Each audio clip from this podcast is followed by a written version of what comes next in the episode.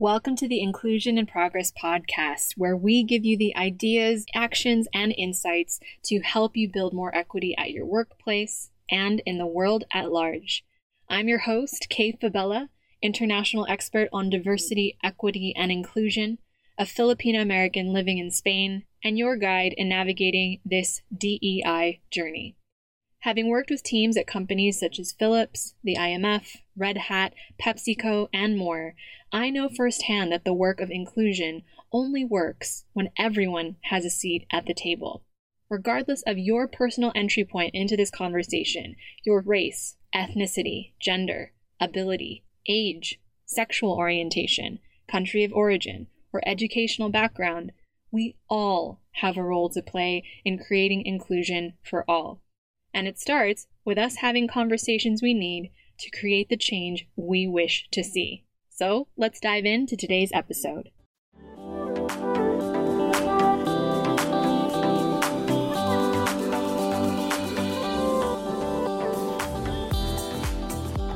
Hey there, and welcome back to Inclusion in Progress. So it's mid May here in Madrid, Spain, where I'm recording this.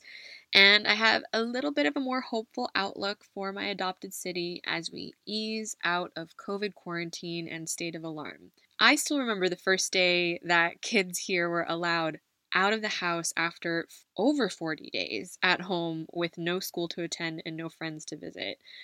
The morning that children were finally allowed outside, I remember hearing one little girl on the street start chanting, Calle, calle, calle, the Spanish word for street as she and her little sister emerged from their apartment building with their dad. And all I could think was, as I waited for the week after when we would be allowed outside, I feel you, mi niña. so, one week later, when we were allowed out of the house for one hour of exercise, even an introvert like me is nothing short of stoked that we finally have an opportunity to be able to leave the house. And I am never taking being outside for granted again. So much so that I've actually decided to get my running shoes back on and downloaded the C to 5K app to guide me as I ease back into running three to four times a week. And you'll actually see how excited I was if you check my video on LinkedIn that I uploaded a few weeks ago. I was pretty much jumping for joy. Just excited to get out, get my run on again. And of course, if you want to check that out, be sure to add me on LinkedIn if you haven't already. I'm sure that video will give you a good chuckle. Speaking of LinkedIn, recently someone actually messaged me on my LinkedIn content. So, obviously, you guys know I talk a lot about diversity and inclusion, and they told me that my content is really thought provoking, but also, quote, really, really serious. And I got that message and I get what they meant because, especially, this is a person that knows me offline, so they know that I'm a naturally pretty, you know, joyful, as you'll see from my video, optimistic, and fun person. And I know that's something that doesn't always show up when I talk about D&I. Here's the thing it's not fun to talk about the ways that we aren't equal. It's not fun to talk about the history of discrimination against those who are quote unquote different and how that inequity manifests in our workplaces and our society today. Because even in the midst of a pandemic caused by a virus that doesn't discriminate in who it infects and who it kills, humans are still discriminating against one another. Humans are still blaming the so called other for their problems. Humans are still killing others because of their prejudices. People like Ahmaud Arbery. On what would have been his 26th birthday, I put on my sneakers for my morning run with a heavy heart, thinking how angry I was that something as simple as a run could end in such tragedy yet again for the black community. Thinking about how, by the simple accident of birth, genetics, and circumstance, I had the privilege of running with peace of mind, not worried about whether or not I was stepping outside of my door and whether or not that would mean I was somehow risking my life in the process. And this is why my content isn't always quote unquote fun. Behind the client stories and the corporate workshops I talk about on LinkedIn and obviously here on this podcast with you guys, there are very real, very palpable consequences to diversity and inclusion work.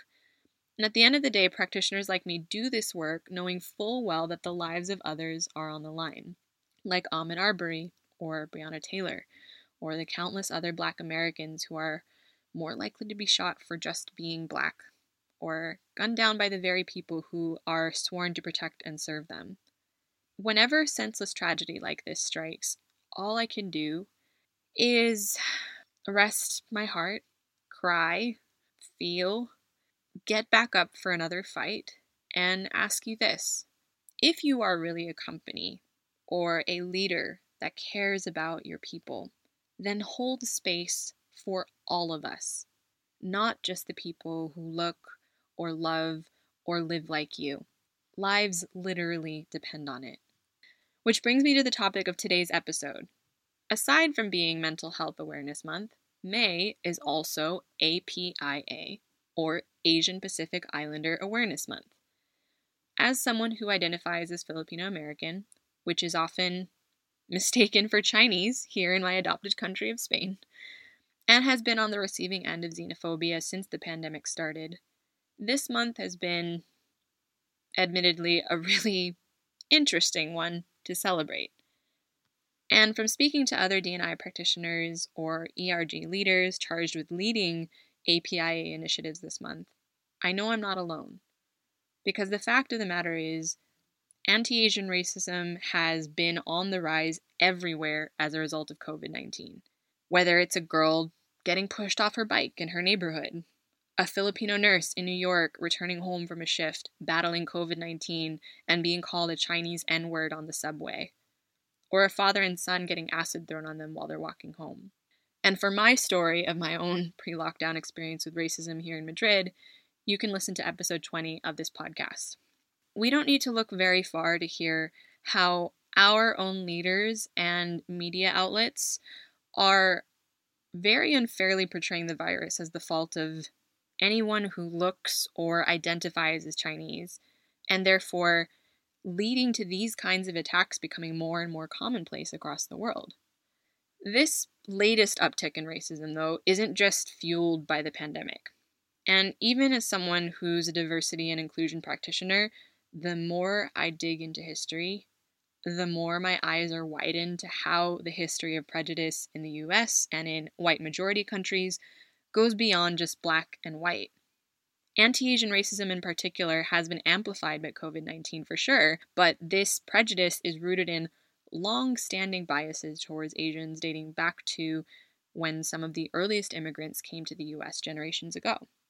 The forever foreigner who consumes weird foods, the exotic looking woman who's a walking fetish for white men, the model minority who keeps their head down and doesn't cause trouble for anyone, setting this standard for other ethnic groups to follow, however flawed it is. The docile Asian, who managers will never trust to lead because they're supposedly too quiet and passive to get the job done. Those are just a few. Coronavirus has been a rude awakening for many, and for some in the APIA community who subscribe to this idea that if you just kept your head down and charaded as white for long enough, that you could pass and integrate into society without dealing with any kind of discrimination, they're experiencing racist attacks for the first time in their lives as a result of the pandemic. Talk about a rude awakening. But what most first generation and second generation Asian Americans don't know is the long history of racism towards our communities.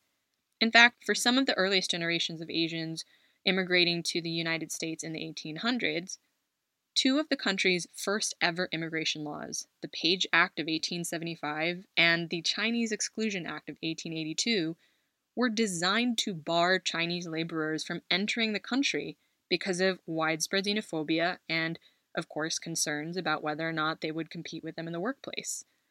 Not only that, but these laws stipulated that Chinese Americans could not become U.S. citizens for decades, even if they were born in the country. And this level of anti Asian bias wasn't just limited to Chinese immigrants. When Chinese immigrants were banned, US companies found a workaround in their former colony, the Philippines. US media outlet Vox actually did a really great in depth documentary on how a group of retired Filipino farm workers who were basically imported from the Philippines, living in San Francisco's Manilatown, were forcibly outed from their low income housing in the 1970s, even though the reason they were living there in the first place is because they weren't allowed to go back home to the Philippines nor create roots in the US by marrying Americans and starting their own families. So, this was literally the only housing available to them. It's a really jarring piece of history, and even as a Filipino American, I wasn't made aware of this critical piece of our diaspora's story until I watched this video. And of course, I'll be sure to link to the video in the show notes for you to watch if you're interested. In my research for this podcast, I also dove into when the US tried its hand at colonialism, particularly in my parents' home country of the Philippines. And as part of an effort to exert control over Filipinos, the US implemented American nursing programs in the country. So, Filipinos who went through these programs were trained in English and in US approaches to medicine, making nurses from the Philippines one of the country's key exports even today. Nurses who immigrated to and settled abroad are normally the first in a long line of medical professionals. And though it's often overlooked in most media outlets, the Filipino community of nurses and doctors is facing a disproportionate number of infections and deaths around the world. According to the New York Times, in California alone, one in four nurses is of Filipino descent. If you can sense in my voice that this is personal, it is. My dad is a doctor in California, and my cousin is a newly minted doctor out of the Philippines. Both of them have lost colleagues to the virus, and I worry for their safety and well being every day. And they're still managing to get their job done in the face of anti Asian racism and xenophobia. So, yeah, APIA month during COVID 19 is more needed than ever. So, if you're a manager, an HR director, or an ERG leader that's listening to this, I understand that it is no easy feat to know how or even where to start this conversation in your company on how to support your Asian identifying employees. This is by far one of the most uncomfortable episodes I've ever had to record. And of course, to add to the complexity, the APIA community actually spans 15 different ethnic groups. So, South Asians and Pacific Islanders, for example, may face different degrees and types of discrimination depending on history, ethnicity, and cultural context. This obviously makes it challenging to create diversity and inclusion programming that feels applicable to your company's employees of Asian descent. But anti Asian racism is becoming more and more widespread around the world, whether on Asian business owners, a Chinese American being brutally attacked here in Spain to the point that he was in a coma, verbal and physical attacks against adults in progressive areas like San Francisco, physical and virtual bullying at schools, and everyday microaggressions in our work from home world referring jokingly to the quote unquote Chinese virus. So it's even more important than ever for your company to 1. address the issue head on, and 2. provide your Asian employees with the tools, channels, and support they need during this time even though it would be nice for the pandemic to help us put aside all our historical differences, the reality is anyone who identifies as a member of the APIA community is going through an extra challenging time right now, which will likely continue for months or even years after the pandemic ends. So, for today's episode, let's take a look at how you can still honor the meaning behind APIA Month this May and use the opportunity to create much needed programming resources, and thoughtful discussions around how you can build inclusion for different communities in your organization, not just as a reaction to pandemic xenophobia. So, first, let's look at specific strategies for you if you are of Asian descent or pass as someone of Asian descent, and what you can do to speak up about racism or xenophobia when you experience it at work. If you're a member of the APIA community, first off, Please know I see you, I hear you, and I'm holding space for your pain right now. It's all too easy for our non minority counterparts to avoid talking about our experiences.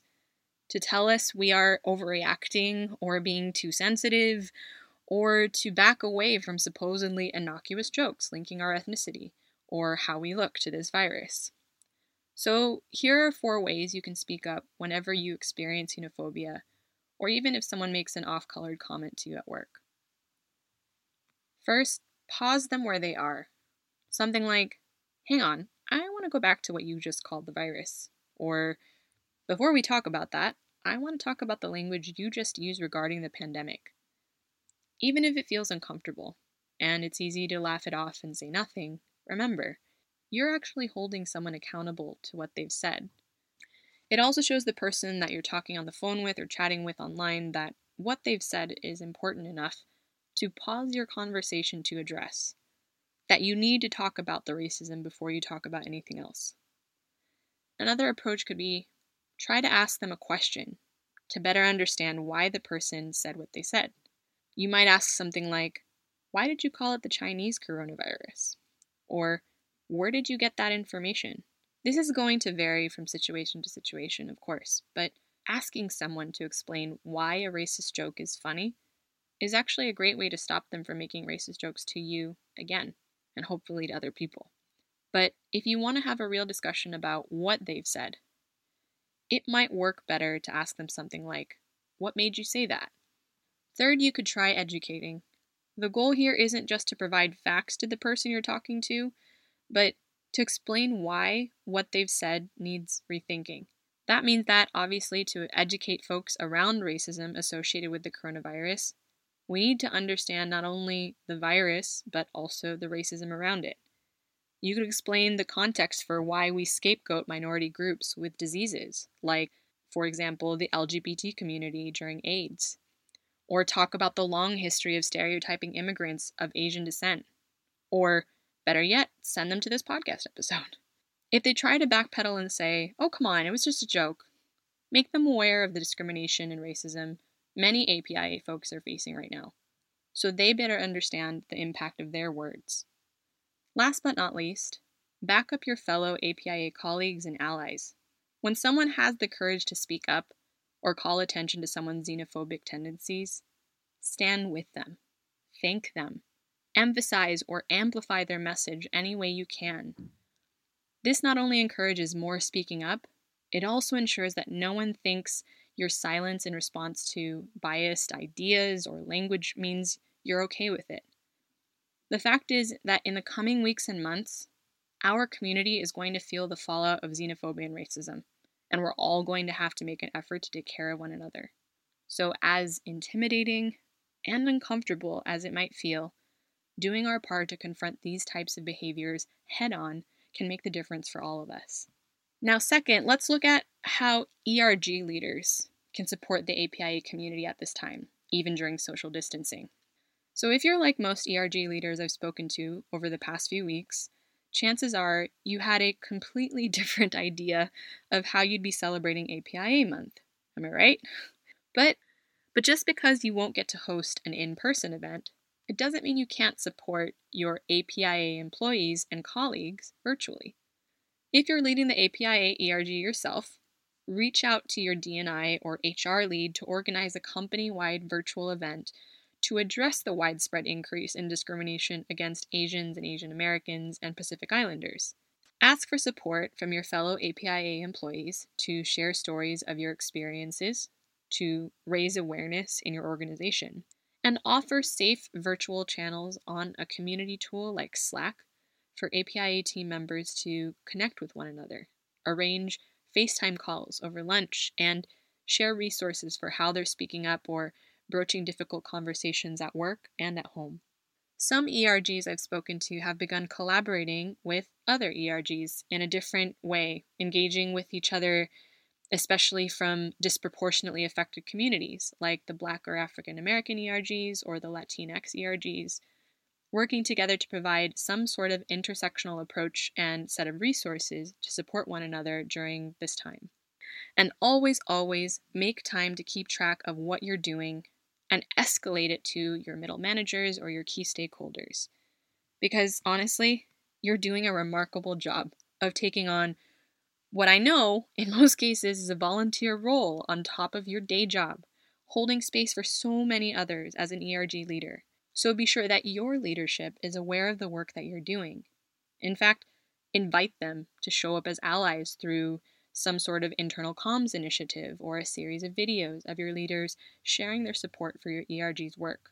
That way, your company realizes how important the role of employee resource groups or affinity groups are in keeping up morale, productivity, and engagement, and allows you to continue the conversation on diversity and inclusion even after we return to the office. And if you are struggling with how to translate your initiatives virtually for your newly remote teams and continue to drive the D&I conversation during this pandemic and beyond, get in touch with me at the link in the show notes. Many of you who've reached out to me have expressed worries that the progress that we've made around inclusion may fall by the wayside. And I know this new normal is challenging, but we can't afford to leave conversations about diversity and inclusion behind. So if you need help adapting your key programming and initiatives for your ERGs and keeping inclusion top of mind in your organization, please book your free call with me at the link in the show notes or head to my website, kayfabella.com. Last but not least, let's look at how managers and allies can support APIA employees at this time to combat racism and xenophobia at work. Listen, we all have enough to deal with in our coronavirus world between homeschooling, stir crazy kids and partners, worrying about our elderly relatives, and just the day to day sadness and isolation of not being able to hug loved ones or spend time with our friends and colleagues. We're all riding waves. When everyone's baseline is, say, 65% on a good day in this pandemic, it's really easy for us to just put the blinders on and focus on our own specific situations.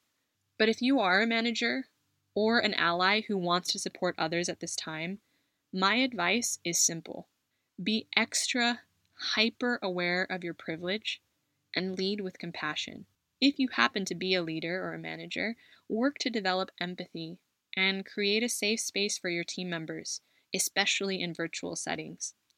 I share more about how you can be a better remote manager in episode 21 of this podcast, so be sure to check that out if you haven't already. When you lead meetings, be mindful of making your language inclusive so you don't single out any particular minority group. For folks from your APIA community in particular, give your team members a place to show up authentically and share their concerns as they deal with racism or even microaggressions. Or you can even consider offering them a one on one opportunity to connect with you, to share their stories outside of your routine weekly meetings. Be real, be intentional, and believe in what you're saying if you truly are an ally or an advocate for minority groups. Consistency is essential in showing that you genuinely believe in the critical need for diversity and inclusion, even if our future is uncertain at this time. One silver lining that I'm seeing in our virtual workplaces is that allies and inclusion minded leaders have an incredible opportunity to leverage technology and create multiple channels at work where minorities can safely escalate their concerns even after the pandemic ends. So do so. And if you are a senior leader, consider sending out an all staff email addressing what you're hearing in the news, what xenophobia is, doubling down on your support for diverse groups, and how you plan to address the issue now and when employees return. This kind of transparency sets the tone for inclusion in your organization. So, even if employees aren't as willing or able to come forward to share their experiences with racism or xenophobia, it relieves the burden for those groups by giving them a playbook or even a permission slip, if you will, for how folks at every level of your community can stand in solidarity with your APIA and other minority groups in your organization. So there you have it. Those are three different ways that you can adapt your programming for a virtual APIA month and address anti Asian xenophobia and racism at work. It's no secret that things are changing very fast day to day. And our work in diversity, equity, inclusion, and belonging is needed far more than ever, which means it's a unique opportunity for you as a leader or as a minority professional to step up and lead others through this pandemic and beyond. To adapt to these changes, I'm actually helping clients with global teams continue to feel supported and included as they shift to remote work to navigate this transition successfully and inclusively for all. Some of the solutions I've delivered this past month are based on supporting people or HR teams with work from home resources and programming for their ERGs, leading a remote manager workshop virtually on Zoom for inclusive leaders, and working with D&I practitioners to continue to lead the conversation and implement cultural shifts in their organizations. So to learn more, get in touch at the link in the show notes or at kayfabella.com. That's K A Y, F as in Frank, A, B as in boy, E L L A dot com, or Fab Ella. On our free call, I can discuss a virtual solution that's tailored to you, your team, and your company's needs. Until then, be well, and if you ever need anything, please feel free to reach out to me directly at info at kayfabella.com. I read each and every email that comes into my inbox, and I'm here to be a resource for you right now. Thanks so much for tuning in, and I'll see you back here next week for another episode of Inclusion in Progress.